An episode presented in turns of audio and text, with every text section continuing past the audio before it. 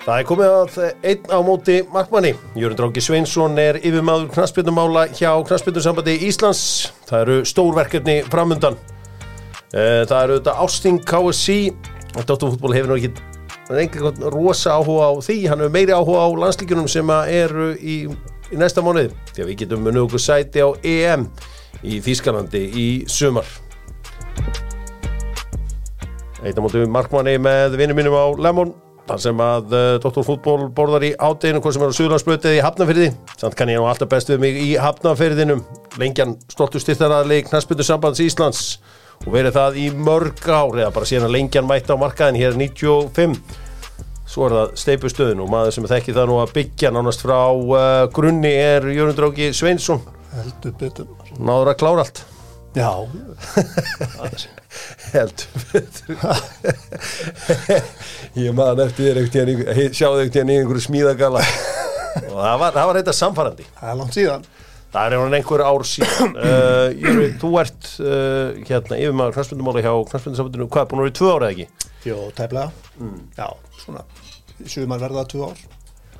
Sko, þetta starfsvið þú ert yfirmaður nei, þú ert yfirmaður landstælurana uh, já. bara frá upp 15 og, og upp bara, já, það má ég alveg segja það. Og við hérna þetta hefur bara gengið uh, vel uh, síðan ég kom inn í þetta. Kom náttúrulega svolítið brattinn þegar þegar Addi verður aðlandslisjálfari Karla. Þá, þá hérna byður hann mig um að taka af sér ákveðum verkefni sem síðan þróast í í þá átt að, að hérna að hann lætur á störfun sem yfir með knarsputumála og, og ég sæki þá um starfið og, og, og fekk starfið og, og hef, hef syndi núna í já, rúmlega eitt og hálft ár.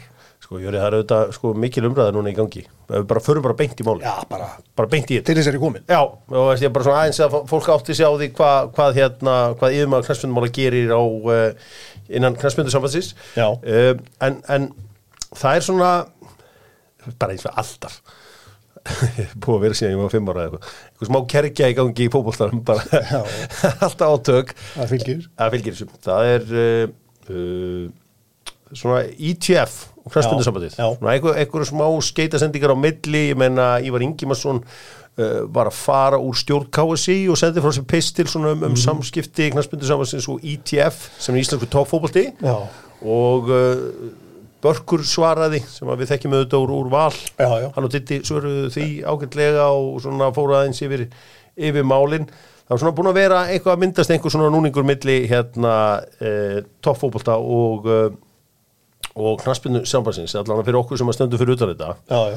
þetta snýr meðal annars að auknum álugum á líðin það er að segja að það sé orðin þessi já, aukin kostnaður uh, sem, að, sem að fylgir uh, þáttöku á Íslandsmóti og, og öðru slíku ég meina, hvað stendur á því hvernig stendur á því að, að þessi kostnaður eru að hækka svona sko fyrst að því hún nefnir hérna samstarf ITF og KSI að þá þá hefur samstarf KSI við aðaldafélagin gengið mjög vel. Já. Við erum í góðu, allavega við sem erum að vinna á gólfinu, eh, starfsmenn KSI og svo starfsmenn félagan í landinu eigum mjög gott samtal og það er mikill, mikill samgangur þarna á milli og, og KSI reynir að þjónusta félagin eins vel og hægt er. mm.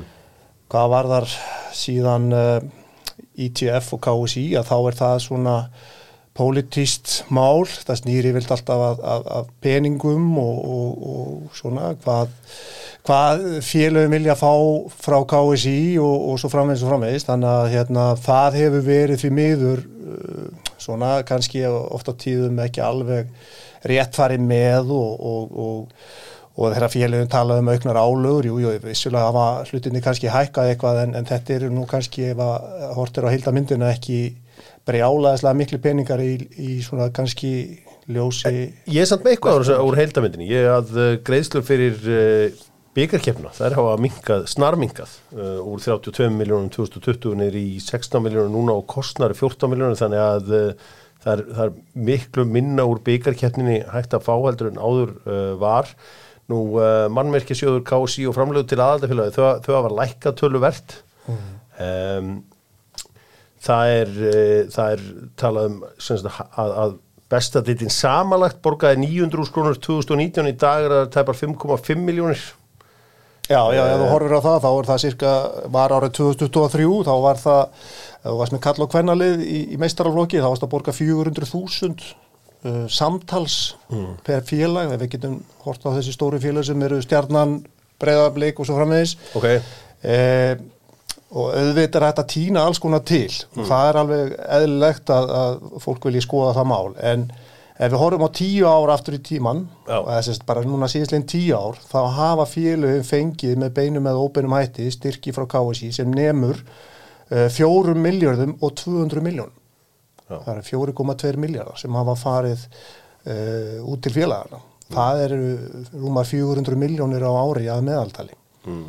Uh, þá erum við að tala um dómarakostnað náttúrulega fyrst og fremst sem að, að KSI greiðir fyrir félögin sem að er náttúrulega gríðaleg hérna, gríðalega kostnaðarsamur hérna, þáttur í, í fótballtanum þannig að sá kostnaðar er að fara að hækka núna um, um ykkur 30 miljónir cirka bát á þessu ári. Uh, þannig að þetta eru talsveit miklar upphæðir. Já. þannig að, að hérna Mér finnst bara vel í lagt að, að, að félagin sé að fá 400 miljónur ári að meðaltali síðastlegin 10 ár uh, en, en svo er það þannig að, að sjálfsagt vilja félagin fá meira. Að Það er, það er pólitíkin í þessu og það er hægt að gaggrýna alls konar og, eðlilega Svo hefur einhver gaggrin innan KSI að ITF eigi mann í stjórn. Hvað spennir samansins? Já, já, það er, það er hérna skipta skoðanir með það. Uh, sá aðil er náttúrulega ekki líðræðislega kjörin inn á, inn á stjórnaborð, hann er bara fulltrú í ITF og, og það er bara í reglum KSI og það er lítið við því að gera og ég held að það sé að mörgulítið ágætt en það getur líka verið erfitt þegar, þegar hérna, taka þarf á málum sem snúa fjárhæg og mögulega, mögulega þurfa að taka málum sem snúa félagunum beint. Sko það hefur svona spurst út auðvitað ástingi er setna í mánuðum að uh, síðasta ekstra ár var nokkuð þungt, það voru svona líki póstar, það voru þetta þessi pulsafræga og það Já. var hérna, og, en landslið, það tók sitt og sko kostnar við landsliðin okkar var mjög mikill á síðust ári, ári og uh, með það sem maður er að heyra þá þetta slega, slagi miljard. Já, það er hátt í það Á hverju kostar miljard? Landslýskostnaðurinn. Það er bara, þetta er náttúrulega hörku útgerð að halda uh, 12 landsliðum úti. Við erum með, með alveg frá U15 og upp í A, þetta eru samtals 12 landslið. Auðvitað eru A-landsliðin okkar langdýrasti pósturinn Já. og uh, það eru bara uh, kröfur gerða til okkar varðandi svona ákveðna standarda sem við þurfum að framfylgja sem koma frá JúFA og FIFA. Uh, síðan er það þannig að, að eins og það því hún nefnir síðasta ár og það var mjög kostnaðarsamt. Á hverju var það? Það var uh, þjálfara skipti að landsliskarla. Það kostaði peninga. Uh, árangustengdur kostnaður var að við fórum með bæði 19 ára landsliðin okkar í lokakefni. Það var ekki gert ráð fyrir því áallin og á ekki að gera. Nei. Við til þess eigum við varasjótt til þess að mæta slíkum útgjöldum og, og, og við höfum verið að stefna því að komast í lokakefni og það tókst og við erum bara gríðalega ána með það að, að, að 19 ára landsliðin okkar og það vakti mikla aðtikli erlendis Mm. svo, svo að, að vægt sér til orða tekið því að við á samt spáni vorum eina þjóðin sem að fór með bæði kyn í ústættakefni í U19 Það er nú býstna vel gert. það er mjög vel gert og auðvitað þetta stór þáttur í þessu er að, að félagin í landinu hafa verið að gera vel og, og hérna allt er þetta samstarf. Við lítum svo á að, að landslis umhverfið okkar er bara stór þáttur í afreks uh, störfum félagan í landinu.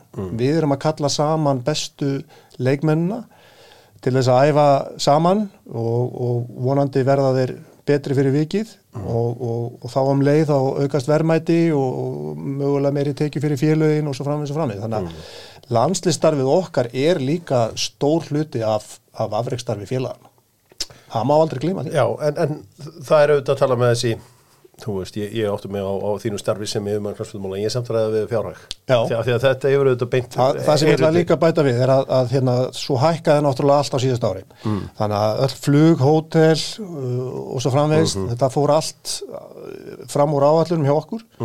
Þannig að, að þessi kostnaður, bara það að fara í verkefni með, með landslið Erlendis, það kostar miljónir og uh, við fáum til þess styrki frá FIFA og Júfa þannig að hérna, en það er bara ekki nóg að því að FIFA og Júfa vilja meina það að við eigum að spila fleiri landsleiki með yngri landsliðin. Mm. Það sé grunnurinn að því að, að, hérna, að landsliðstarf og, og afreikstarfi í landinu sé í lægi. Þannig að uh, við þurfum meira fjármagn, svo, mm. svo það sé sagt. Og, og hérna... Þið þurfum meiri peningi landsliðin? Við þurfum meiri peningi landsliðin, já. Því við, við erum í rauninni að spila 40-60% færri leiki heldur en, en samanbyrða þjóðir mm. og þá segja sumir, við getum ekki verið að bera okkur sama við aðra því við erum hérna eiland út í raskati Já.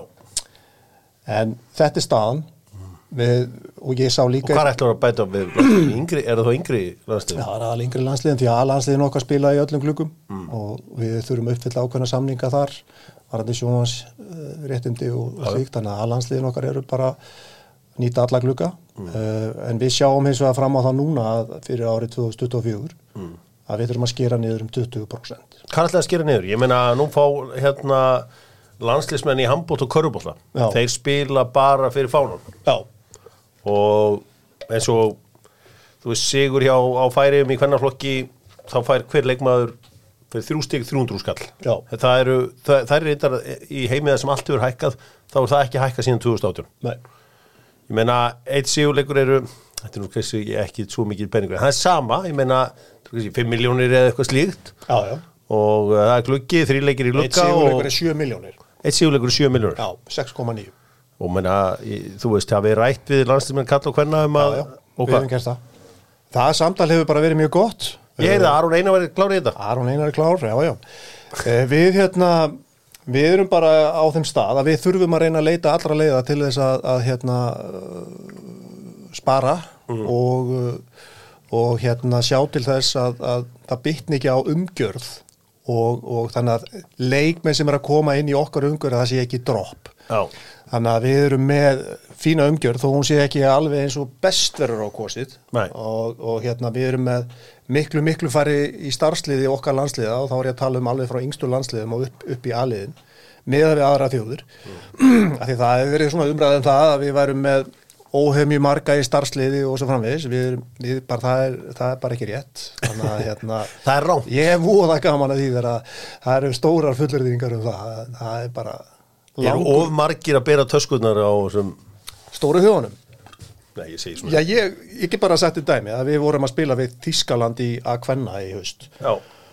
og þar hitt ég framgættastjóra Þíska knarspöndinsamansins og ég fór að spurja alls konar spurninga og spurði hvað er þið með marga starfs uh, margt starfsfólk í, í kringum alhansli hvenna og hún sagði bara allt og marga, það eru tæmlega 40 Já. við erum með kannski 15 Já. Þannig að yngri landslegin okkar það eru svona 6 til 8 mm. fer eftir verkefnum Já. hvar við erum í heiminum og svo framvegis. Þannig að meðan aðra þjóður eru með svona 10 til 12 okay. þannig að við erum, við erum alltaf að reyna að finna leiði til þess að reyna að spara peningin mm. En, en hérna, það er voðalega auðvelt að vera það núti og, og setja út á okkur með þetta. Þannig að þetta er bara Veistu hver heilakostnæður er að því að við sjáum þetta núna fáum að sjá þessu tölur núna í, í, á ás, ásninginu, veistu, veistu, veistu heilatölurna hjá landsliðunum í hjá öllum landsliðum í ár? Ég er nú ekki alveg með hann í, í kvallinu með, það er eitthvað þar á bylinu 900 til, til miljardur hmm. kostnæður Já sko, það má ekki gleyma því að við erum að taka leikmenn allstaðar á heiminum mm. eins og sérstaklega með aðkalla að það þarf að fljúa þeim það þarf að koma þeim til, til uh, áfangastadar og, og svo þarf að koma þeim aftur tilbaka. Þannig að við, þetta er bara þetta er óhefmju mikið batteri í kringum þetta. Og Þi, það fylgir þessu bara. Þið sem, þið sem hérna vinnið hjá knastmyndasambandinu frá degi til dags finnið þið fyrir, fyrir einhverjum svona kergjumilli Það er að segja toppfótbolla sem eru liðin sem eru, sem eru toppfótbolli er í dag eh, efst á næstefsta deilt og þetta er AB og C ég, ég er aðeins stóluður með núna en svona af því við heyrum þetta sem erum utan þetta, verður þið varfið við þetta? Já, já, auðvitað verður við verfið það að hérna, það sé eitthvað kerkja og slíkt. Mm. uh, maður nú stundu bara rosalega gaman að þessu sko. Því að, því að hérna það er bara partur af því að vera í þessum heimi. Mm. það, er, það er aldrei allir ánaðir það vilja allir það besta fyrir sig og, og hérna en, en við þurfum líka að passa upp á það að við, við erum undir ströngu eftirliti frá UEFA og FIFA varðandi allt sem við erum að gera. Þannig að núna í, hvað, eftir tvær viku þá er að koma í heimsókn uh, Milenko Asimovic sem er fyrir leikmaður Tottenham og, og hann starfar fyrir UEFA hann er að taka út hér elitu starfið okkar, eða afreik starfið Já, og, og þá fyrir hann að spurja spurninga. Af hverju gerir þetta svona, af hverju er þetta ekki betur af hverju hérna, er þetta ekki með fleiri landsleiki og svo framvegis og framvegis? Og, og þá þurfum við bara að vera með svörin á reyðum höndum, við hefum ekki pening fyrir við hefum ekki mening og, og hérna en, en talandi um sko kergjuna, ég meina það er bara stundum er bara landslægið þannig, stundum gengur vel þá vilja allir vera með okkur. Stundum gengur ekki eins vel þá er rosalega auðvöld að gaggrina það er þannig bara eins og við erum í, í fyrirtækjarekstri að þá, þá hérna þá er kannski tap eitt ár þú reynir þá að vinna það upp á næsta ári. Þannig að hérna vonandi tekst okkur það á þessu ári Ég heldur betur ef við fyrir til dæmis í lókkeppna og við þýrskaðandi. já, þá er ég nú aldeilis viss um það að félögin vilja vera með okkur Mm. Það er á ljóst að, að, hérna, að þessi íslenski tóffóbolti, hann er að leita sér að formanni. Ég, það er, er allavega umræðum það að. Vignir Þórmarsson sé að fara í, í frambúð og, og það verður og vænt er hann þá fulltrúi í Íslands toppfókbólta Já, svona það er sem maður heyr þú veist allt Nei, ég veit ekki allt, ég er bara að segja það sem ég er að heyra Ég meina, Guðni Bergson var auðvitað formaður Já. uh, Kási, hann kemur svona meira kannski, ég ætla bara að segja landslýsmegin, ég meina, hann hann Já, já. vill fá uh, sem sagt, yfirmann knarspindumála og svona, þú veist ég meina, þetta er, það eru fylkingar í þessu eins og öll öðru. Já, já, klálega. Ég bara, þetta verður mjög spennandi að, að ef það kemur þriðja frambóðið, við jafnvel fjórða, maður veit það ekki, það er frambóðsfrestur rennur út núna á lögadaginn. Já, Þannig að hérna, þetta eru spennandi tímar, þetta er, þetta er risastór þing sem að er, að þú varst að segja að þú hefur nú ekki mikið áhuga á þessum ástingum, en, en þetta held ég að verði mjög stór þing, því að það eru margar tillögur sem liggja fyrir þinginu og svo náttúrulega kostningar, það eru kostningar til formans og það eru, já, ekki kosið um þrjá, þrjá til fjóra stjórnamenn, nú mann ég ekki alveg, mm. þannig að hérna, það er, er heilmikið í, í gangi. Sko, það er eitt, eitt þegar maður fær þig, eh, svona, sem maður pælir í þegar maður fær þig þegar þú deyfum maður knarspindumála. Það eru aðstafa landslið okkar. Já, Það er að segja alveg frá 15 og, upp í. Mhm. Mm. þú veist, við erum náttúrulega lituð af ennska boltanum, við þekkjum Lilli Sjól og St. George's Park og, og Já. hérna og svo þekkjum maður Clairefontaine í, í Fraklandi og hvað það heitir allt saman hjá þessum liðum og það er öll með svona sitt svæði, einhvers það konar, sem kallast technical center. já, technical center, og nákvæmlega. þetta eru ansi margar þjóðir með það er með svona home of football í, í, í hverju landi Já, Danirnir er að fara að stað að byggja upp ég held að það sé í kringum Brömbi uh, svæðið uh, og ég- meina þeir sem að ég meina ég er að fara til Serbíu núna með að kvenna þeir eru með geggja technical center. Uh, þú veist þannig að það eru flesta þjóði með þetta. Við erum allar með bóliðan þjóðarleikvang. Nei, og, og það svíður helviti mikið þegar, þegar við sjáum síðan að, að, að hérna, ríkisvaldið er ekki að fara að gera nokkuð skapaðan hlut, allavega ekki á næstunni fyrir fótboltan og, og svo er borgin heldur ekki að, að sinna starfi sínu eins og við myndum vilja. Eh, Það er nokkuð ljóst að, að hérna að allar málin eru í forgangi og hljóta að vera í forgangi hjá nýri stjórn að því að, að við erum farin að spila lengra inn í veturinn Já. og byrja fyrr á vorin þannig að, að hérna uh, vonandi sjáum við ykkur að braga búta þessu En svona talandu technical center, ég mann þegar að Kóri var í byggingu á sinni tíma, þá voru þetta nú hérna svona mjög fótbolta tengt Já, Logi, Guðni, Eður, Arnór, allt þetta og svo, þá held ég að það, þetta væri svona einhver pæling sko Já. og þetta byrjaði sem einhvers konar akademi á mótnanna og ég, maður svona, það fannst þetta spennandi til Já. að byrja með um, sem að HK hefur síðan tekið yfir Já. hvað æfa landsliðin þetta?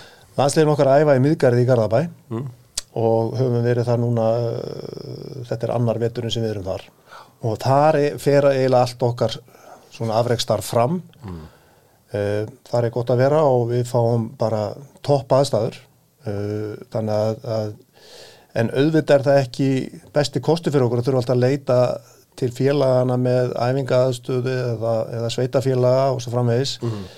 Við, við hefðum í hennum sko okkar bestu draumum hefði við vilja náttúrulega að það hefði verið hugsað út í þetta eins og inn í lögadal það hefði verið hægt að nú voru þróttarannar að fá tvo velli uh, það var lítið samband aftur við okkur varandi það. Hefði verið hægt að gera eitthvað meira þar búa til eitthvað sem að myndi nýtast KSI líka og svo framvegis en, en hérna skipilásmálinn kannski ekki alltaf upp á tíu. Hafið hafið, þið hafið áhuga setja upp eitthvað svona technical center eða eitthvað slíkt? Já, ég meina við höfum, uh, ef þú spyr mig, já, að sjálfsögðu, því að, því að hérna, þetta held ég að komi fótboltan til góða. Uh, við, erum, við erum líka að horfa á, á eins og til dæmis með fræðslumál, þjálfaramentun. Uh, það er að þú veist, byggja þetta upp á, á svo rosalega flottan hátt að, að, að hérna, ég held að svona kannski eitt svona flottasta sem maður hefur komist í, í þessu, það er í Belgíu.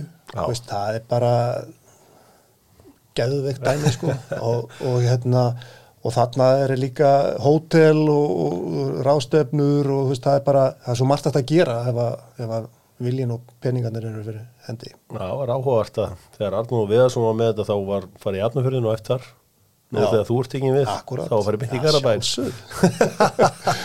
nei, nei, það er bara hérna, við vorum í Hafnafyrði, það er alveg rétt en, en hérna uh, okkur fannst uh, miðgarður uh, svona kannski hent okkur betur Já. það er uppbyttað hús og landslýsæfingar eru ofta tíðum þess eðlis að þú þarft að geta stoppað og fara yfir málinn og, og svona taktískara taktískara uh, umhverfi heldur en kannski það sem gengur og gerist alla daginn í félagsliðunum mm.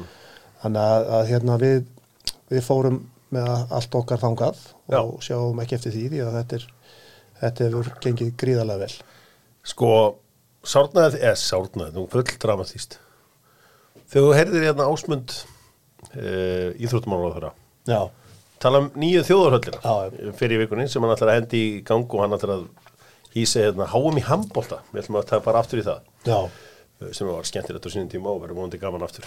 Menna, það þýðir náttúrulega bara að það verður engin fótboltaöldu gerðið meðan við tverjum á lífi. Nei, ég sé það ekki fyrir mér sko.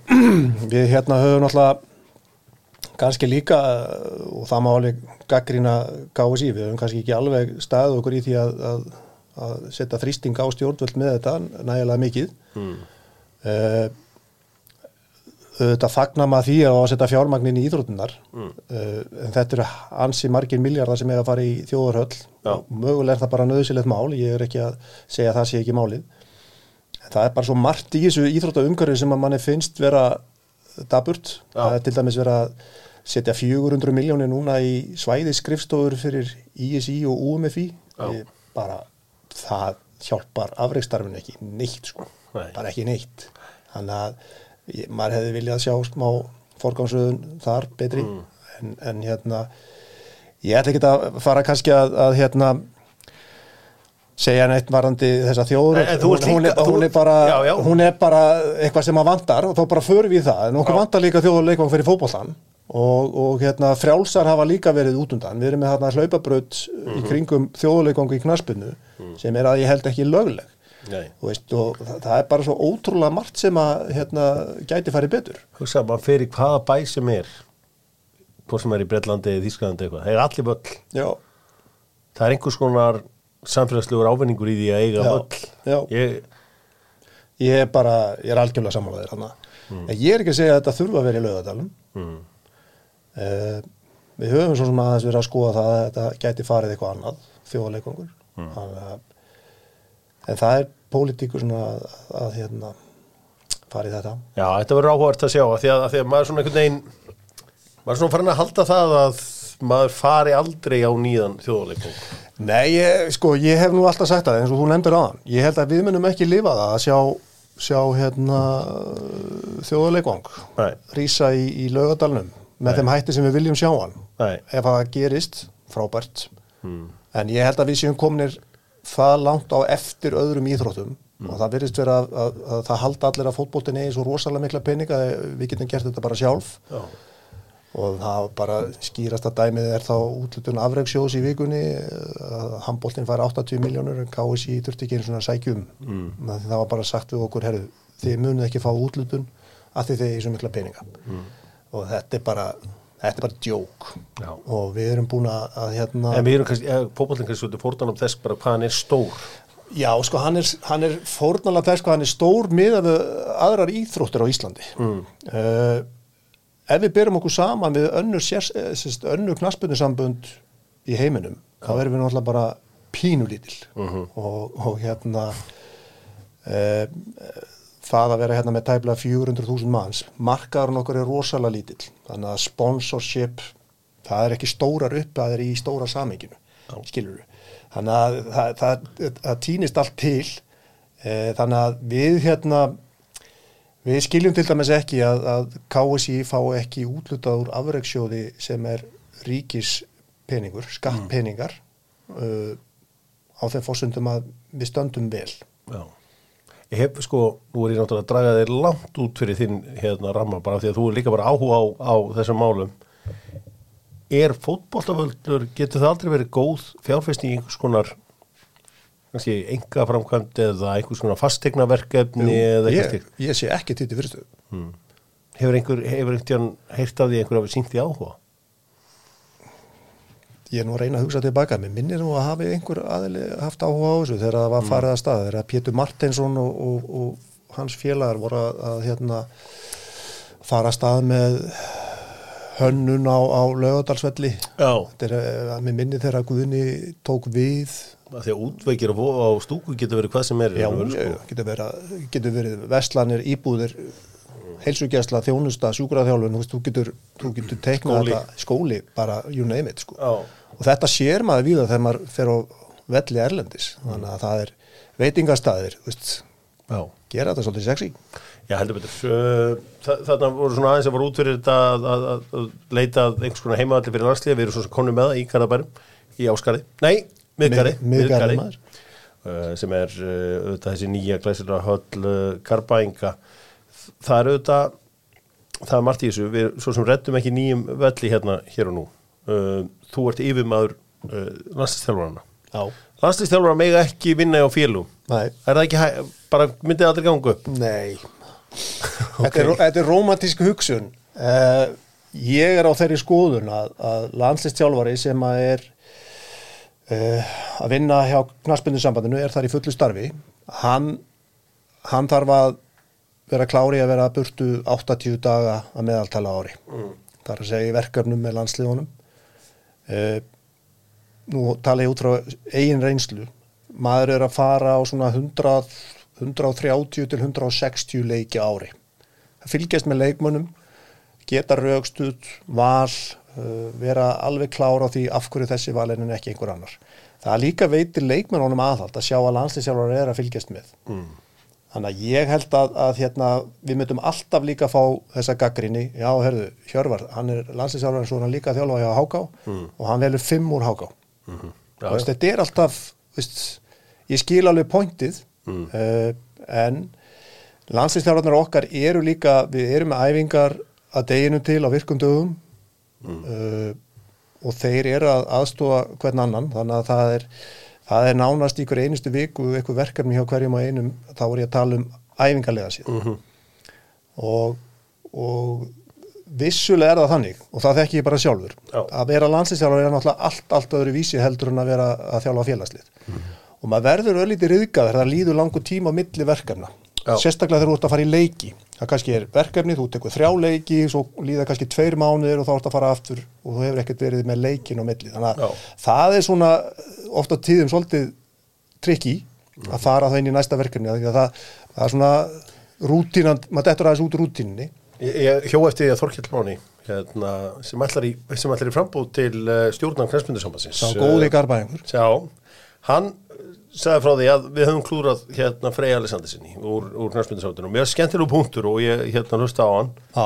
en ég vil meina að það sé það besta sem hefur komið fyrir Já. Frey og kannski möguleika bara gott fyrir Íslands fótbolta að strákurinn, að maðurinn hafi ekki verið fasturinn í laugadalum í hérna, þú veist að fara að þjálfa frá degi til dags. Já, uh, það er væntar eitthvað sem þið er ekki gott fyrir íslenska fótbolta að, að við eignum stjálfar í útlöndum eða skiptir einhverju máli Freyri fættur 83, hann er sennilega 41 ás einmitt.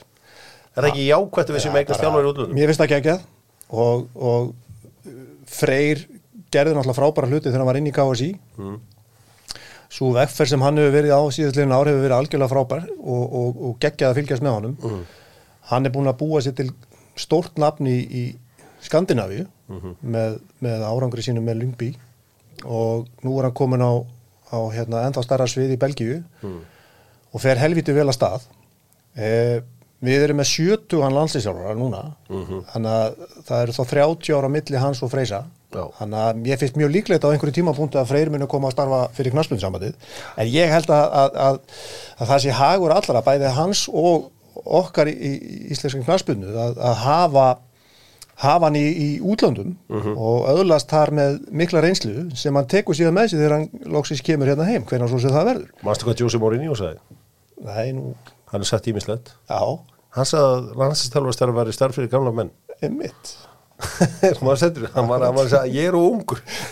hann er nú áreglega nálgast það núna Það fyrir að nálgast að, að, fyrir að nálgast það heldur betur núna. Nei, ég meina, það er búið að vera margt í deglunni. Meina, Jói Kalli, það er, þú veist, fyrir þjálfara ungur maður. já, já, Það að segja, hann er, hann er mjög ungur þjálfari hann er ungur þjálfari. já, Ég meina, hann hefur verið að skoða að fara ellendis. Hefur það verið með fullu samþyggi ykkar? já, já, hann eh, já, já, hann eh, eins og ég segi alltaf eh, þegar að það koma eh, svona fyrirspurnir varðandi okkar þjálfara að þá, þá finnst mér mjög eðlilegt að, að þeir fái tækifæri að skoða hvort að það sé eitthvað sem þeir vilja gera. Eh, síðan er það bara útfæslu atriði hvort að það gangi upp eða ekki eh, því að, að hérna eins og tilfelli Jóakalla þá, þá líkt og freysi að, að koma fleiri þjálfurum ellendis þá hefði það bara verið þið besta mál Mm. að því hann er ungu þjálfari þannig að hérna ég, ég sá ekki tvíti fyrirstöðan að hann myndi skoða þetta mál og hann kemur þá bara reynslinu ríkara tilbaka eftir slíka En, en viðræður. segir það mann ekki að fyrst að hann var til í að þessu viðræður og annars líkt að, hann væri alveg til í að komast aftur í fyrirslega þjálfum? Jú, jú, það lítur að vera. Það Mm. bara liggur í hlutarins eðli að það sé það sem hann hefði viljað Já, og, og- og, breytum umhverfi og, og, slíkt. Þannig að hérna, svo verður bara, hann er með samning við okkur núna út mars sem framlengings, framlengist þegar, þegar að við förum á EM. Já. Þannig að hérna, síðan verður bara ný stjórn að sjá hva, hvað verður gert í framhaldinu. Ég meina, þeir verður auðvitað feikilega mikilvæg þessi leikir í, í marsmáni, ég meina, þú veist, bara, ég, þessi leikur í mars auðvitað að sjálfsögðu fyrir fram, það verður auðvitað, það verður einhver umræð, við veitum alveg hvernig Já, það verður. já, í já. kringum leikið með Ísrael, er, er knarspöndi saman búið að undirbúið sig fyrir, þú veist, Það eina sem við erum að undirbúa er að, að, hérna, Liðið vinni leikinn. að, að, að, að spila hana leik og vinna. Bara það, er bara, það er óskup einfalt mál. Uh, við bara það er engin afstæða tekin svo sem umfram það sem að er, er, er í þjóðfélaginu. Við hins vegar ætlum bara að, að, að mæti leikin við erum búin að vera í þessari keppni síðan í fyrra já, nú er loka takmarkið að komast á EM það er handað við hodnið og í okkar augum snýst þetta bara um það að mæta og vinna í Ísrael já, í Ungurlandi, í Ungverjalandi. Og, og, og mæta síðan annarkot Bosni eða Úgrænu já, þannig að við erum í, risasjens og það er það eina sem við erum að hugsa um. Við getum ekki tekið afstöð til þess hvað, hvað er í gangi og, og, og svo framvegis. Sko, okkur þykir þetta náttúrulega hræðilega leðilegt þessir, þessir atbyrður sem er að eiga sér hann að stað. Að sjálfsögðu. En það sem er kannski líka í þessu að, að hérna um leið og það var dreigið og við sáum að við fengjum Ísrael að auðvitað ég man og ég var í drættinum úti í, í, í Sviss og fulltrú Ísrael satt við hliðin á mér í drættinum. Mm. og hann er leið ekki vel. Og, og hérna maður skinjar alveg að, að alltjóða samfélagið er ekki ekki sátt við það sem er að gerast Nei. og ekki við frekar en aðrir. En meðan að Júfa og FIFA uh, gera ekki í, í neitt í þessum málum uh, að Ísrael er bara ennþá inn í öllum keppnum já. þá, þá, þá erum við bara undirbúið okkur fyrir leikin þá fyrir við bara til Ungurlands að vinna og uh, þannig. var sko máttu fara árundur var, var, það var eitthvað svona eitthvað pæling til að það byrja er verið að skoða þetta já, Það er, þetta er í skoðun, hann alltaf svo nýlega komið að við spilum í Ungarlandi. Ísrael vildi spila í Ísrael, já, bara þangað til fyrir tveim viku síðan. Það var bara no-no frá okkur sko. Uh, Þannig að hérna, þetta er búið að vera svolítið erfitt ferli að, að hérna, núna þurfum við til dæmis að, að því þú spurðum um svona mitt starf, nú erum við til dæmis að leita leiða til að, að, koma liðinu saman, hvar við ætlum að koma saman, hvar ætlum við að undirbúa okkur með liðið verður það í Unguralandi, uh, þurfum við að fara til Þískalands eða Austuríkis og vera með 2-3 daga þar í undirbúnum. Þannig að þetta er, það er óhefum í margt sem þarf að huga. Það gerir Ungurlandi, þetta eru miklu vinnur okkar. Þetta eru miklu vinnur okkar og, og hérna það er alveg rétt að, að hérna, þeir hafa verið okkur mjög, mjög liðleir og nú eru þeir að skoða fyrir okkur hvort þeir geta eitthvað aðstöður. Þeir græði þetta alltaf. Það er þekkjandi í Ungurinn rétt á bergaðan þessu. Sko, hérna landslið spilar maður er alltaf átt að sjá því og, og jú, maður vissi alveg að það hefur spilað stóra rullu í því að búa til þessi leikmenn sem eigum Já. ég meina að Jóhann Berg Guðmundsson er tekinn frá Tjalton sem 26 ára gammal maður yfir í börnlegi í Premier League. Og ég þekki það alveg það fer ekki frá League One í Premier League vennilega það, þeir eru á hortan á landstíðinu hvað hún góðu þar. Já. og ég meina ég get tekið mýmörg svona dæmi. Ég get tekið tala um bara eins og ekkert núna sem er selgt til Elsborg Já. ég meina það sáu þetta allir í, í sömar þegar hann hljópa yfir allan völlin og skoraði þetta mútið Nóri uh, Hákon. Já.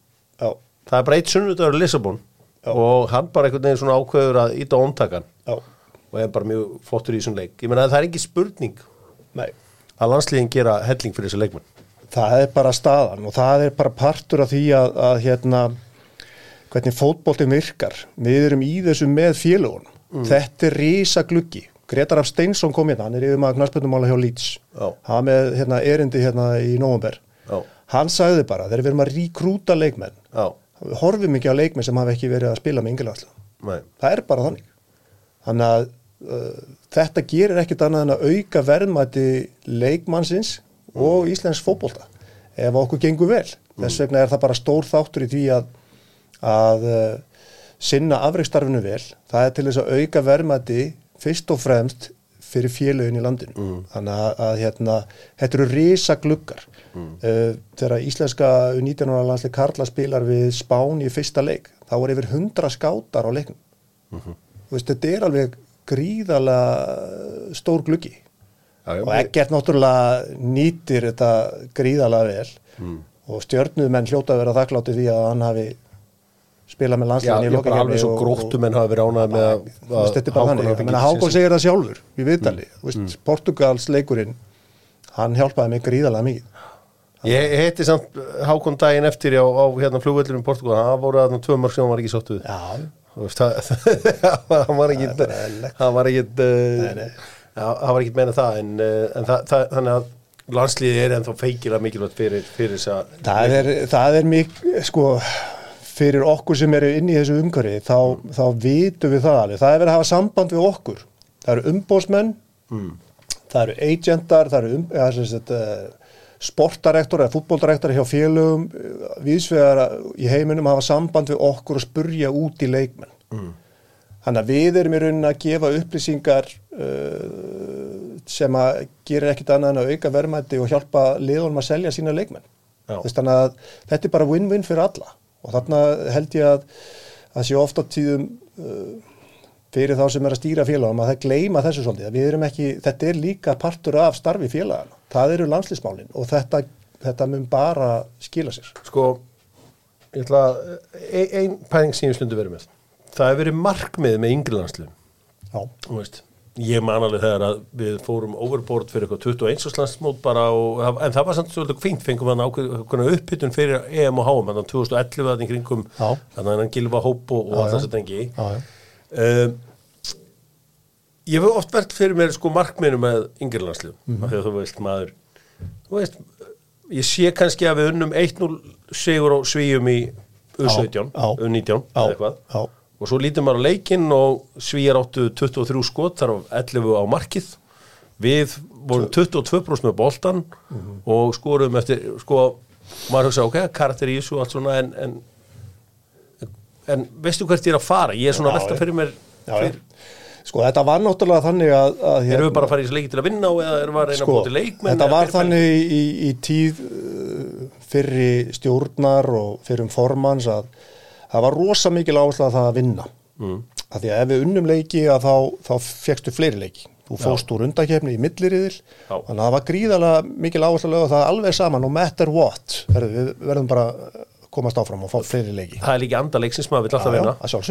og það er það sem við viljum alltaf gera. Já, Ég man nú að ég var með, eh, held ég að verið 16 ára landsleik kvenna í, á Norðurlandamóti og þar spilum við við Þískaland já, og hérna ég held að við höfum verið svona 10% með boltan Já, uh, Cecilia var þarna í, í marki og Já. Eður Skeving voru báðar þarna tóku sér hvort náleikin Cecilia tók setni áleikin og varði eins og rotta og, og við skorum með tveið með föstu leikadrið minni mig og vinnum 2-1 og allir í skíjónum já, og ég var bara, það var shit leikur sko. skilur þannig að, að hérna, en, en auðvitað markmiðið það er að búa til framtíða landslýsfólk já, það er fyrst og fremst það sem við erum að fara í gegnum að, að þau, þau, þessi krakkar sem er inn í landslýsumkörun, þau læri á landslýsumkörfið, það er landslýsstígin í 15. landslýfinu þá þarf það að vera búin að læra þetta í 16. landslýfinu er það þetta og svo, svo eikst alltaf svona, þú veist, kröfurnar um, um það eftir því sem þú ferð hærra og þannig að það að þú sért vel undirbúin þegar þú kemur loksins inn í að umhverfið mm. og þess vegna fannst mér alveg gríðalega gaman þegar ég var núna með alhansliðinu úti í, í bandarækjánum að spila þessa tvo leiki sem að hefnuðist mjög vel. Já. að sjá alla þessa ungu leikmenn sem að hafa verið að gangi gegnum landsliðstíðan hvað þeir eru tilbúnir, þeir eru loksins mæta. Þá var ég að tala um Eggert, Já. ég er að tala um Hlinfrey Logi Róberts var hann líka uh, og, og svo mætti fleiri telja, Kristján Nökvi, Já. Orri. Vist, þessi strákar eru allir búinir að fara í gegnum þetta.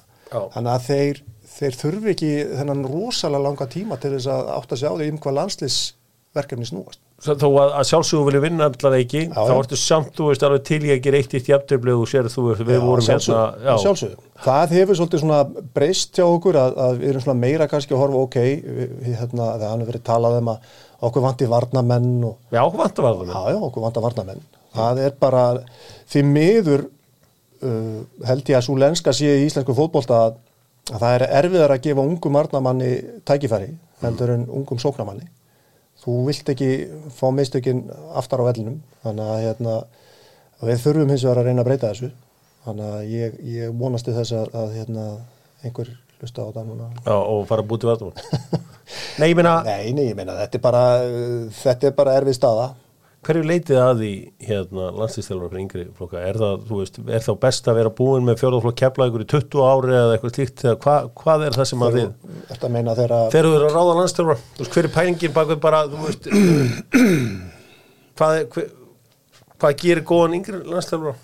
það er bara það er bara ansi margi þættir við, við fórum í, við réðum inn uh, þjálfara í, í haust Þóraldur Sigirsson uh, kom inn og það sem við horfum til eins og með hann hann er uh, aðeins öðruvísi heldur en kannski flóran sem við erum með fyrir. Þannig að við séum ekki með alla eins eða svipaða og hann er búin að vera að þjálfa erlendis kemur aðeins með aðra sín inn í umhverfið gríðala skipulaður uh afreksmiðaður.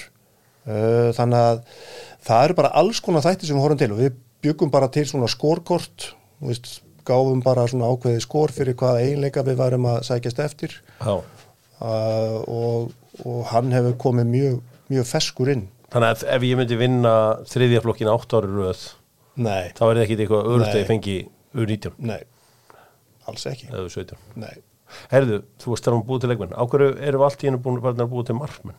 Ég meina, ég sé núna að Patrik, hann kemst ekki í hóp. Hann kemst, hann er í, spila alla leiki í hérna, norsku úrstildinni. Og ég meina, og það er belgisliðar inn að fá hann. Hann bara hefur ekki verið pláss fyrir hann.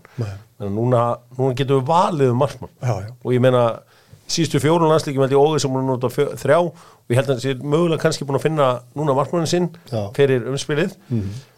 Hvað gerist? það er rosalega erfitt að Fóru ekki bara að þjálfa markmann? Jú, það hefur verið mikil uh, vakning í markmannstjálfun. Við höfum verið að gera vel í að, að, að fræða markmannstjálfarana. Við erum með námskeið og, og nú þurfa markmenn að taka ykkur, þú þekkir þetta nú, Já, já. þú ert búin að með, ertu ekki búin með þetta alltaf? Eh, jú, eitthvað aðeins eftir. Nei, við höfum farið í þó nokkuð mikla vinnu við að, að hérna, ebla fræðslumálinn í, í markmannsmálum Mm. Og félögum fóru að setja peningi í þetta. félögum fór að setja peningi í þetta sem betur Já. uh, þannig að, að hérna síðan er það þannig að við vorum náttúrulega með sterka fyrirmyndir. Uh, Hannes náttúrulega, þú veist, þannig að kannski hefur það líka hjálpað til að, að auka áhuga að krakka að fara í markið. Þegar þau sjá Þóru Helga, þú veist, Hannes verður, ég ætla bara að vera markmaður. Já, en, en hvað, hvað málinn var það núna þá erum við gríðala vel sett með markmenn Er, þetta, er gengur þetta svona alveg niður líka? Er þetta, er við með góðum markmennu 19, 17, kalla hvernig megin og, og svona? Já, ég meina við vorum með í 19. liðinu Lukas Pettersson, Já. Og svo Wools hérna, Palma? Pálmi uh, við höfum verið með við höfum verið bara með mjög, mjög heppi með þessa stöðu Mm. þetta koma árgangar sem eru kannski ekki alveg einn sterkir en eins og staðan er núna við erum með þessa stráka Elias, Mm. Hákon Patta, Lukas þeir eru allir á svipuðum aldri þeir eru allir á okkur fjör ára tímabili fættir þannig að, að hérna Svo er einhver svona smá kynnslóðskipti hjá, hjá stelpunum? Já, eða já, konunum? já. Það náttúrulega voru náttúrulega, sko, Cecilia hefur náttúrulega verið svona kannski vona stjarnan. mikið meidd. Mikið meitt. Uh, Telma á breyðabliki hefur stíið gríðarlega vel upp Mhm. og, og hérna, hann að þetta er bara, þannig áttu náttúrulega stórleika á móti dönum, Já. hún er fætt 2005. Þú fannst á sínum tíma líkilin að kvennabóltan, það var að taka þóru með hvernig þú fúst. Já, það var svona það sem að var líka með, það var líka með, með hana að, að hérna að því þú nefnir hana, ég er náttúrulega að þjálfa hún, hún er hvað 16 ára þegar, þegar ég fer að þjálfa breyðaflik, Já. hún var alltaf í handbólta og hérna það voru allir, þú voru allir að láta hann hætta í þessum handbólta, ég segi neyninni, leiðum bara í handbólta, henni fannst það svo gaman. Já. Og ég man að, að hún fór heimsmyndstara keppni í handbólta í Kína á miðjum tímabili og ég sagði bara já, já, tríðu bara þetta myndi hann sennilega ekki gangi í dag Nei. En ég held að þetta hafi bara verið því besta mál á þeim tíma. Nei, nei, en þetta er bara feikilega mikilvæg staða og ég meina, var, við, við byggum til betri markminn með að vinna meira með þá. Já, Og svo núna er það ekki bara við vera normenn, það eru fleiri að velta fyrir sig ákvöru, ég er það búið ekki til afsenda, miðverði. Það er að segja að það vilja að þið spila nummer 7 og 11 og 10, ég getur verið aftan sendir, ég getur spila út í vinstri og hæra megin og allt svo þess. En svo eru, þú veist, vantar þessi afgerandi miðverði. já, Miðvarðaskólin? Nei, kannski ekki. Hvernig búið til það er miðverði? spennandi. Við varum skólinn. 12 ára á leiðin í miðvaraskóla ég meina, ég meina, það er ekkit sem pyrra mig meira oft en, en að sjá ha- hafsenda íslensku fótbolta skalla bolta, þú veist bara þessir erlendu hafsendar í viking, hvað þeir ná meiru distansi á skalla frá marki. Heldur komum við, kannski líka því að, að hérna sem að við Sölvi Geir Óttesen mm. hann starfa nú hjá Víking. Og nú, ég er nú ekki að segja að hann hafi kannski verið að, að, kenna þessum mönnum að skalla. Nei, þeir eru allir yfir þrít, eða réttum þrítut eða ekki hérna? Já, já, já. en hann hefur verið að vinna með okkur í 21. landsliðinu. Já, að, svona kannski að, að aðstóða við varnarleik og eins og þetta að skalla boltan og hvernig þú skalla boltan mm. þannig að hérna ég fagna því að, að, að hann hefði verið tilbúin að koma inn í það verkefni Mm. og, og þetta er bara eins og ég segi ef þú ert leikmaður og þú, þú sérð möguleika á því að komast inn í segjum bara meistaraflokks hóp eða lið hvað er styrsta leiðin inn í lið? Er það að vera hafsend? Ég vil þetta ekki? Vinstri bakur Já, meina, eða þá kantari það því það er auðvildar að setja inn kantara. Já, já, veist, þannig að, að hérna, við horfum á aldurs valur mm. Hólmar og Elli Helga. Það er að 34 ára meðalaldur er það ekki? já. Damir og Viktor Örn. Mm er ekki sama? fullóttu menn. Fullanum menn, Óliver Ekroð Halldór Smári eða Gunnar Vatnamar. Já, þetta er e, e, stjarnan Daniel Lagstall, Guðmundur Kristjánsson. Mm. það eru nokkar 60 þar. Já, hvað já. er að fara. Þannig já, að já, við erum með Leif Leifsson í kórnum. Við erum með Leif Leifsson í kórnum. Uh, við um allt. Þannig að þetta er bara staðan. Já. þannig að ég held að ef þú hafs, ef, þú, ef þið langar að spila hafsinn það er ég er ekki að fara að spila það er bara ekki séns, þetta er bara alltaf sömu kallandi sem mæta að leik þetta eftir s- leik og, þú veist, en, en hérna ég held að leikurinn hafi hins vegar breyst. Og þú þarft að vera með betri fótboltamenn í þessum stöðum þar að segja þeir sem eru betra á boltan en það þarf að passa upp á það að þeir læri varnarleikin já, að því að oft er að vera að færa miðjumenn niður mm. sem að þekkja leikin þá mjög vel og, og geta hort í kringum sig og spila bóltan vel út af vörninni en það gleymist stundum að, að það þarf að kenna þeim að verjast. Já, maður svona fór að vera var við þetta fyrir svona tíur síðan, með voru að tala um að meira á boltan og annað slíkt en, en svo þegar allt kemur til enda, að, að, sko, að, allt kemur til þá þurfum við líka að geta varist. Já, það er bara en þetta er allavega, þetta er svona þú veist hvað var þar fótboltan sko, mótahald og annað þú veist, uh, þú ert vantilega að fylgjast með þessu alveg bara frá því niður og alveg upp Já, er eitthvað að fara að breytast í þessu, það er náttúrulega tölvöld breyst við fórum að staða með lótukerfi uh, fyrir hvað, tveimur, þreimur árum, þreimur árum. Hefur það virkað? Já, mér finnst það. Mér fannst, uh, hérna, við höfum verið að fá fleiri jafningaleiki, Mm. við höfum fá, fá fleiri leiki Já, sem að okkur þótti vera aðalatriðið, að Mm. það væri spilaði fleiri leikir. Við vorum að spila miklu færri leiki heldur en aðra þjóðir í, á þessum aldurs, þessum aldursflokki. Við byrjuðum hann í þriðja flokki, kall og kvenna Mm. og svo er þetta núna í öðrum flokki. Það er alveg skipta skoðanir með þetta. já, En, en hérna, ég held að þetta eh, komi okkur að gagni síðan mér að við fáum, fáum fleiri leiki. Sko, við erum ennþá búið, við erum að búið fullt af góðum leikmennum, þú veist, hvernig megin eigum við, þú veist, tvo betri leikmennum bara í mestarði, eða allan við eigum Sveindís og Glótísi, þú veist, já. eigum topp, topp leikmenn, ég meina að við eigum eitt besta leikmennin í Serie A, við eigum hérna, byrjunum hann í Ajax og þú veist, það er fullt af góður hlutum að gerast og fullt af góðum leikmennum uppi, ég meina Orri er ennþá í mestardeildinni og allt þetta, sko. Um, en hins, uh, veist, hvað var það mótahald og svona, ég, ég var bara að hugsa þetta um daginn þegar ég fór úr 15 flokki yfir í fjórðaflokk Já, sem var tölvöld skref af því að maður taldi sig mjög góðan markmann en að fara þú veist þetta var bara eins og bara í aðra íþrótt. Já. maður ígóða bara hérna er ég að að leggja skón og hilluna hérna núna? Uh, þetta þú veist, eigum við að fara fyrr með á stórmörk eða eigum við að fara setna, eittum við að finna eitthvað bíl þar sem eru annar, veist, þetta fór úr sjö í 11 Já. það er einhvers þar að vera með áttamannabólta eða sko, það sem, að, það sem er að gerast í þessum málum er að, að margar þjóður eru farnar að lengja tíma þar sem þú spilar á minni velli. já, Að þú spilar kannski nýja móti nýju Mm. á tegur tegur, ekki alveg. geðveikur leikur Já, þannig að þú veist það, það er bara eitthvað sem að er útfæslu atrið og er ekkit, er ekkit hefur eitthvað svona skoðan á sig, þú veist, ertu ánað með þetta bara eins og þetta er eða myndur Nei, ég hefði alveg viljað sjá meira gert í því að, að, að sjá hvort það væri möguleik að breyta þessu vegna þess að eins og þú segir sjálfur, það er rosa stökk að fara úr 15 flokki 12 ára upp í full size völl já, sem að bara fullornir einstaklingar spila á. Já, uh, og vera kannski hérna Lítill. já, lítill eða seinþroska eða Já. eitthvað og þá, þá áttu náttúrulega afskaplega lítinn séns á Hmm. á að hérna gera eitthvað. En, en hérna þetta er náttúrulega ekki auðvelt í framkvæmt nei, það þyrft að merkja vellina með ákveðnum hætti Já, og alveg eins og mér finnst stundum eins og með mótin fyrir yngstu. Já, okkur spiluðu ekki meira þrýr og þrjá? Já, eða tveir og tvo? Því að þú horfir á 5-6 ára krakka í okkur móti. Já, boltin er ekki mikið á tánum hjá þér í, í leiknum. Það er, það eru, hvað, þessi ekki svona 12 inn á? Mm. ég, ég skora á þig að fara í Vesturbæ Reykjavíkur, sem káringar þeir hafa þurft að vera kreatífra þeir hafa enga aðstöð Mm. þeir eru búin að búa til velli inn á parkettinu hjá sér og svona uppblásnum pulsum. Gækja, hefur séð það? Nei. þeir blás upp velli og láta krakka spila uh, ég veit ekki alveg ábyrðað fram með upp í 10-12 ára, ég veit ekki hvað alveg, en allan ég var á móti með 5 ára. Frábært. það var bara pulsa Já. á hliðinni og fyrir aftan.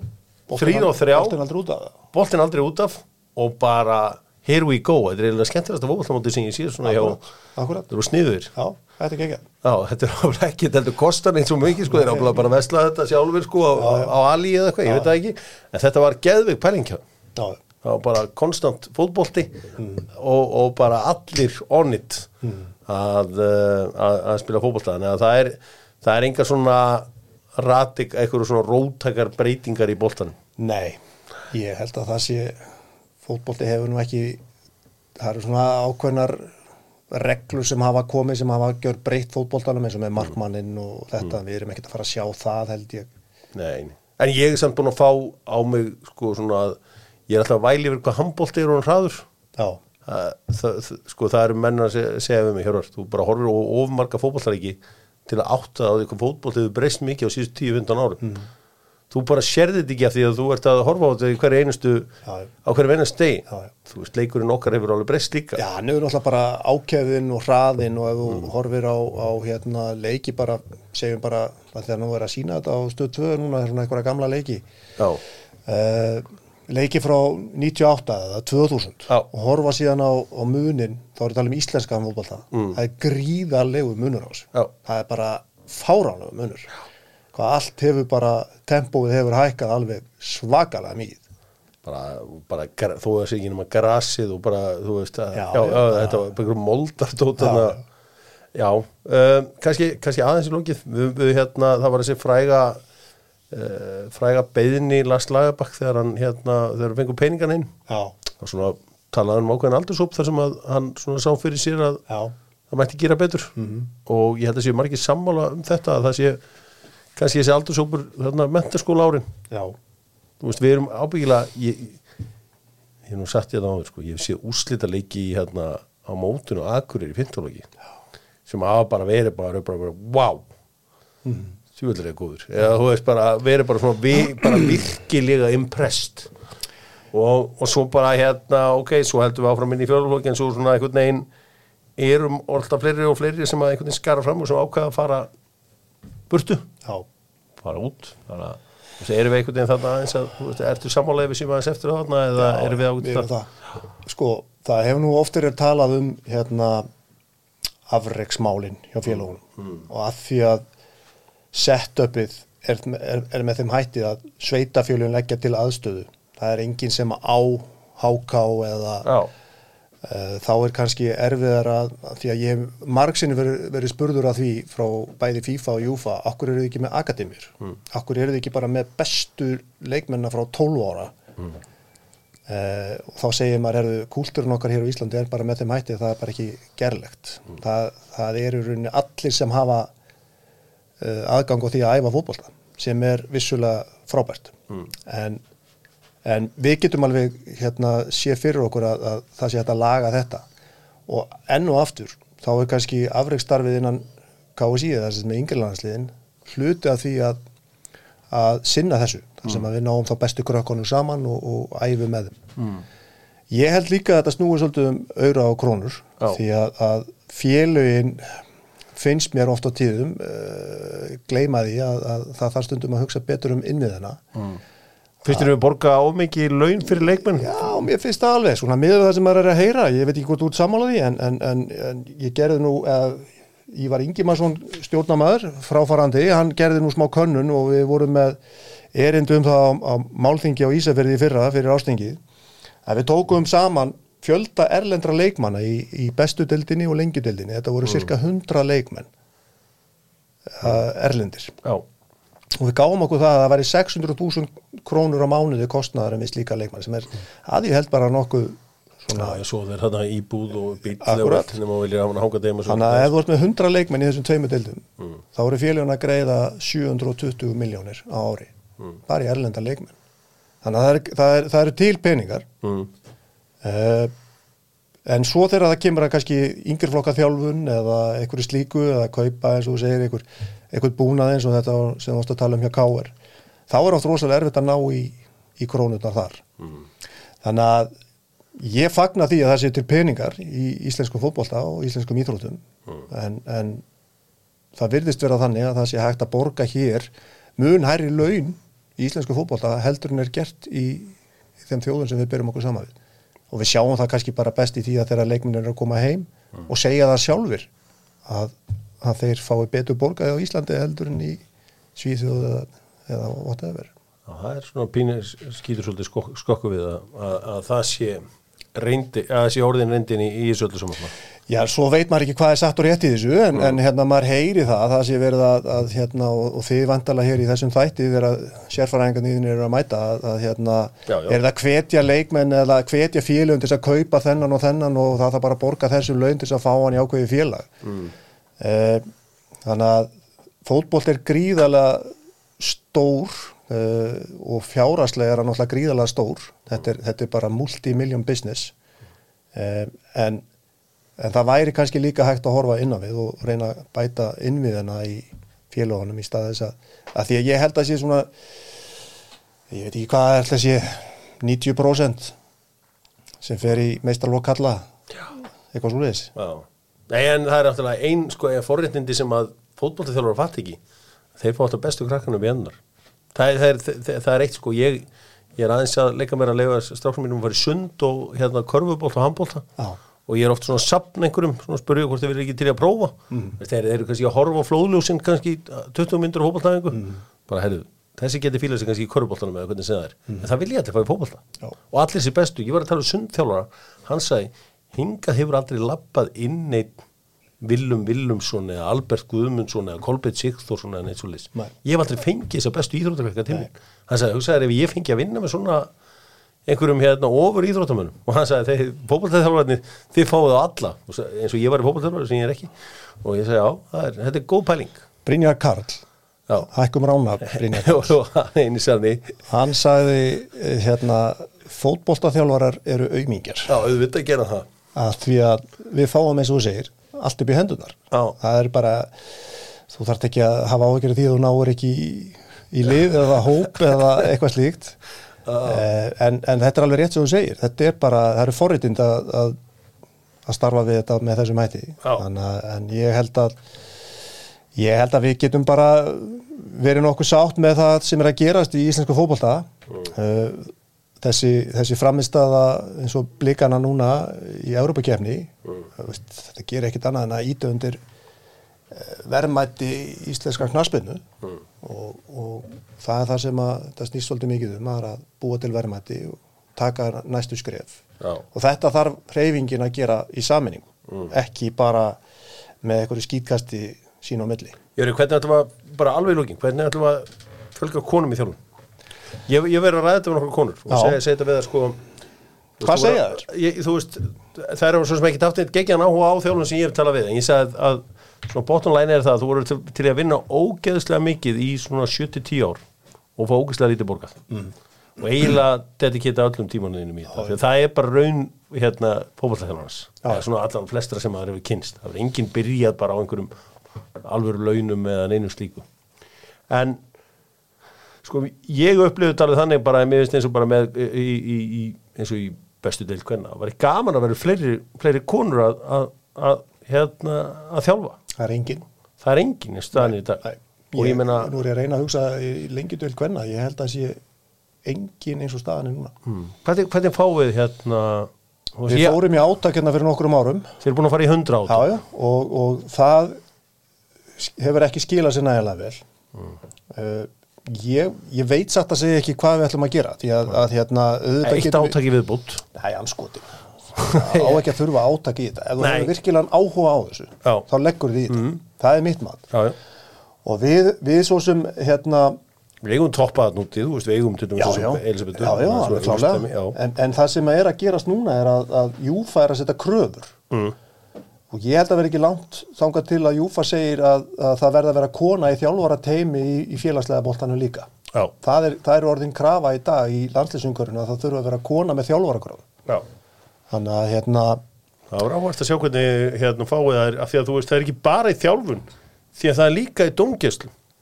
Já, bara Þú í að- öllu já. störfum sem að snúa knaspunni Já, það, það, því að, það, það er allir til að fara í stjórnunastöf, það er náttúrulega að getur að fara í flotta jakkan og allt þetta, og, og, og, en ég er ofta að spyrja, hvað er dómarannir?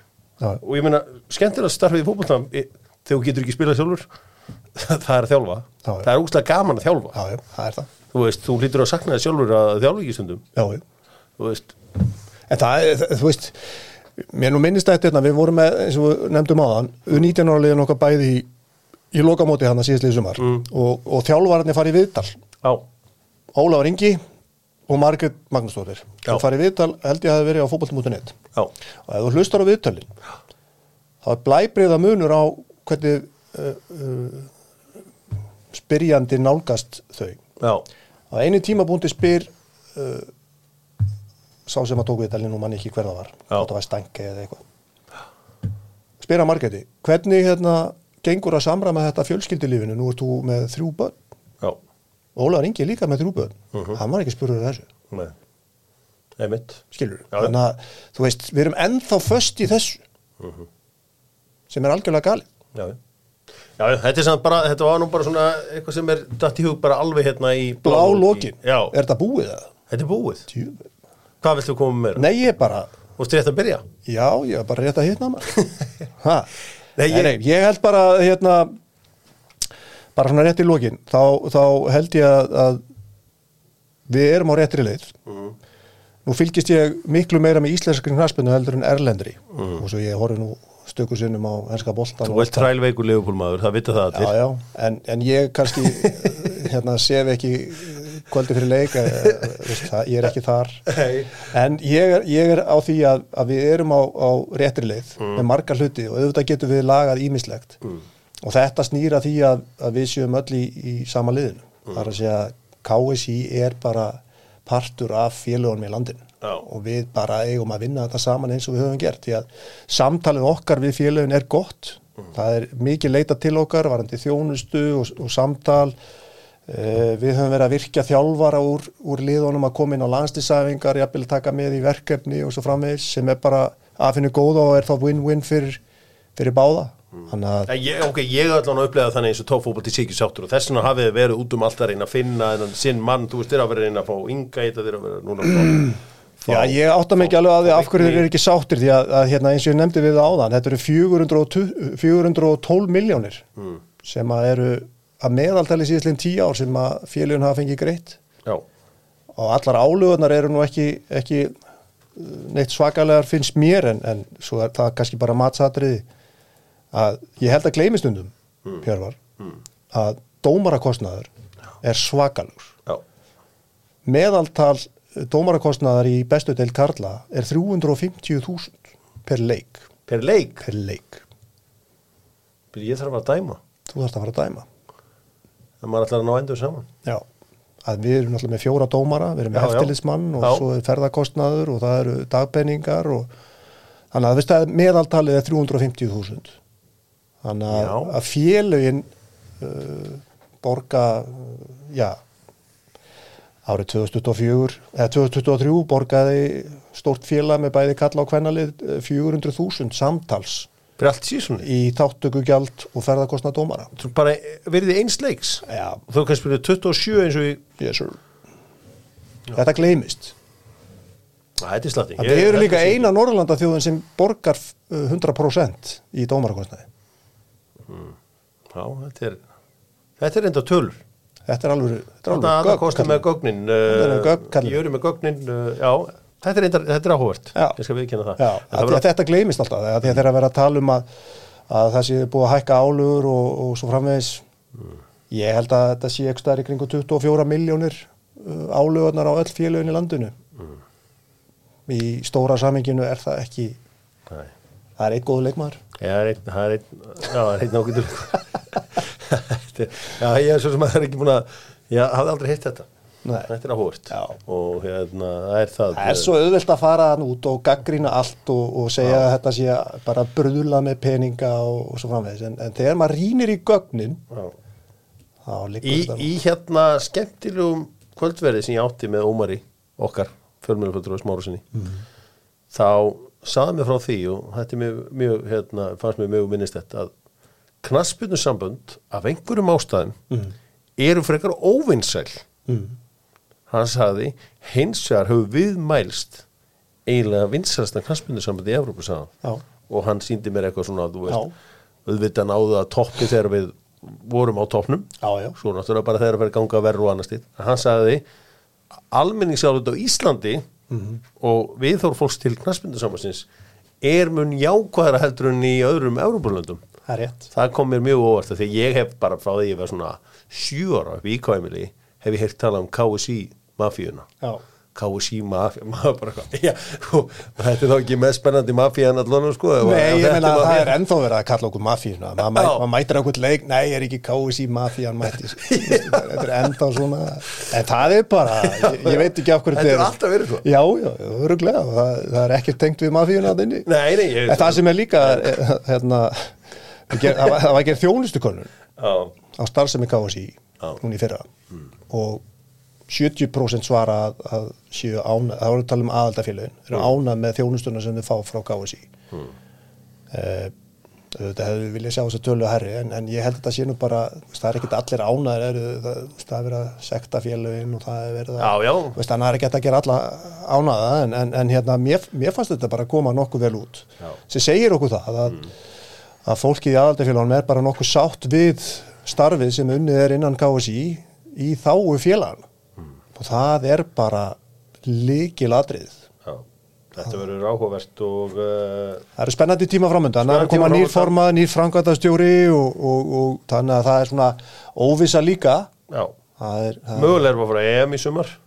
Já, það er bara, það er stóra málið. Já, það er því mjög skemmtilegt. Svo er náttúrulega undakefni á konunum að fara að hefjast uh, Það er bara núna eftir tvær vikur, þá er, þá er leikir við Serbíu, það er, Umspil. það, það er hérna, leikinni sem að við ætlum að spila hérna heima við erum að fara að spila hérna heima, Kópásvelli, 27. februar, Mm. 14.30, það er alveg leiktími það er alveg leiktími, það er út af byrtu skilurðum mm. og enn og aftur þá er það, við erum ekki með þjóðarleikvang sem getur Ég er ekki að fara að borga perur og ykkur sko með Ha? Kópásbúari, ég hef gerð náðs Jú, það skattgreðendur í Kópaví Nei, nei, það er bara, það er ótrúlega margt spennandi framöndan, þetta er umspil í, í þjóðadeild og svo hefst undakefni hjá stelpónum setna árinu. Mm. það er dreigið á morgun í, í, í þjóðadeild Karla. Já, það verður mjög spennandi að sjá þar. Við erum að vonast þess að þurfa ekki að fara til Kazakstan eða næ, Georgíu eða eitthvað slíkt. Næ af því að það er dýrt. Það er bæði dýrt og svo fáur að fá á völlinni hérna. Fá á völlin og já, Viljum við ekki fá Hóland, við bara viljum fá stóra stóra hérna, stóra þjóður já Já, en helst ykkur sem við getum líka unni Að sjálfsögðu. og við getum reynda unni alla Já, sjálfsögur. Þeir eru að spila við England í, í, í sumar á Wembley. Það er geggjað. Þannig að hérna, og mögulega annan, Stóran já, Já, þetta er þá líka undirbúningur okkar fyrir EM já. Þannig að við erum að, að hérna, vinna í því núna og erum, erum að leggja loka hönd á að klára annan stóran aðala. Er það eitthvað svona jafnstórt á Englandi? ég get ekki alveg úttalað með það, en já, það er, það er stórt. Þetta er lið sem á góðum degi vinnur England Já, Við vinnum England líka á góðum degi sko. Við hefum gert það allavega Það er það er bara, þú veist, og það segir okkur það bara hvar íslensk knaspirna er stödd. Það er, eh, þú veist, það er hellingur í jákvæðinu stöfi í gangi. Ég áttum algjörlega á, því. Mér langaði bara að fá því að aðeins til að uh, heyra aðeins frá ykkur. Það var að Það er maður mun heyra ímislettun á næstu við, eða, veist, fram, að, að þingi. Það er silly, silly season núna Já, í pólitíkinni. það, það er þannig og íþróttpolítikinni er bara svona ákveð spennandi. Ég er svona... Eitt góðum aðeins að við mig Já, sem er í pólitíkinni í dag já, sem ég þekki vel og þú þekki líka vel já. hann saði við mig Íþróttapólitík er miklu verri heldur en pólitíkin sem ég er. Hún er harðari. hún er miklu, miklu, miklu brútal meira brútal heldur en það er gott. Uh, Tóttum fútból þakka fyrir sig. Uh, já, með Jörund Ákvar Sinsson. Uh, ég var knarspindumóla hjá knarspindusambandinu í uh, Vitali. Fór svona fara yfir sviðið svona einhver smá ágreiningu milli ITF og KSI. Þann bara strikaði hann út. Það er, sá ágreining, þeim ágreiningi er lokið. Já. Núna ringi ég bara í börk og leta mita að þetta er sem búið. Það er ekki neitt neitt. Nei, nei, það verður, þetta áhvert en það verður gaman að fylgjast með uh, framöndumála núna í, uh, á næstu vikum. Þetta er mikla breytinga framöndan í lögadalum við fylgjumst auðvitað vel með því. En Dóttor fútból mæti síðan aftur hér á förstu daginn í uh, vikulókum. Dóttor fútból það sem við heitum upp fyrir enska bolta nógum að vera. Svo er úslítaleikur í Þískalandi ef að Leverkusen vinnur bæinn þá uh, getum við farið að gera, sjá eitthvað ótrúlega gerast eins og að bæinn verði ekki meistari. Dóttor fútból, þakka fyrir sig, við reyðsæl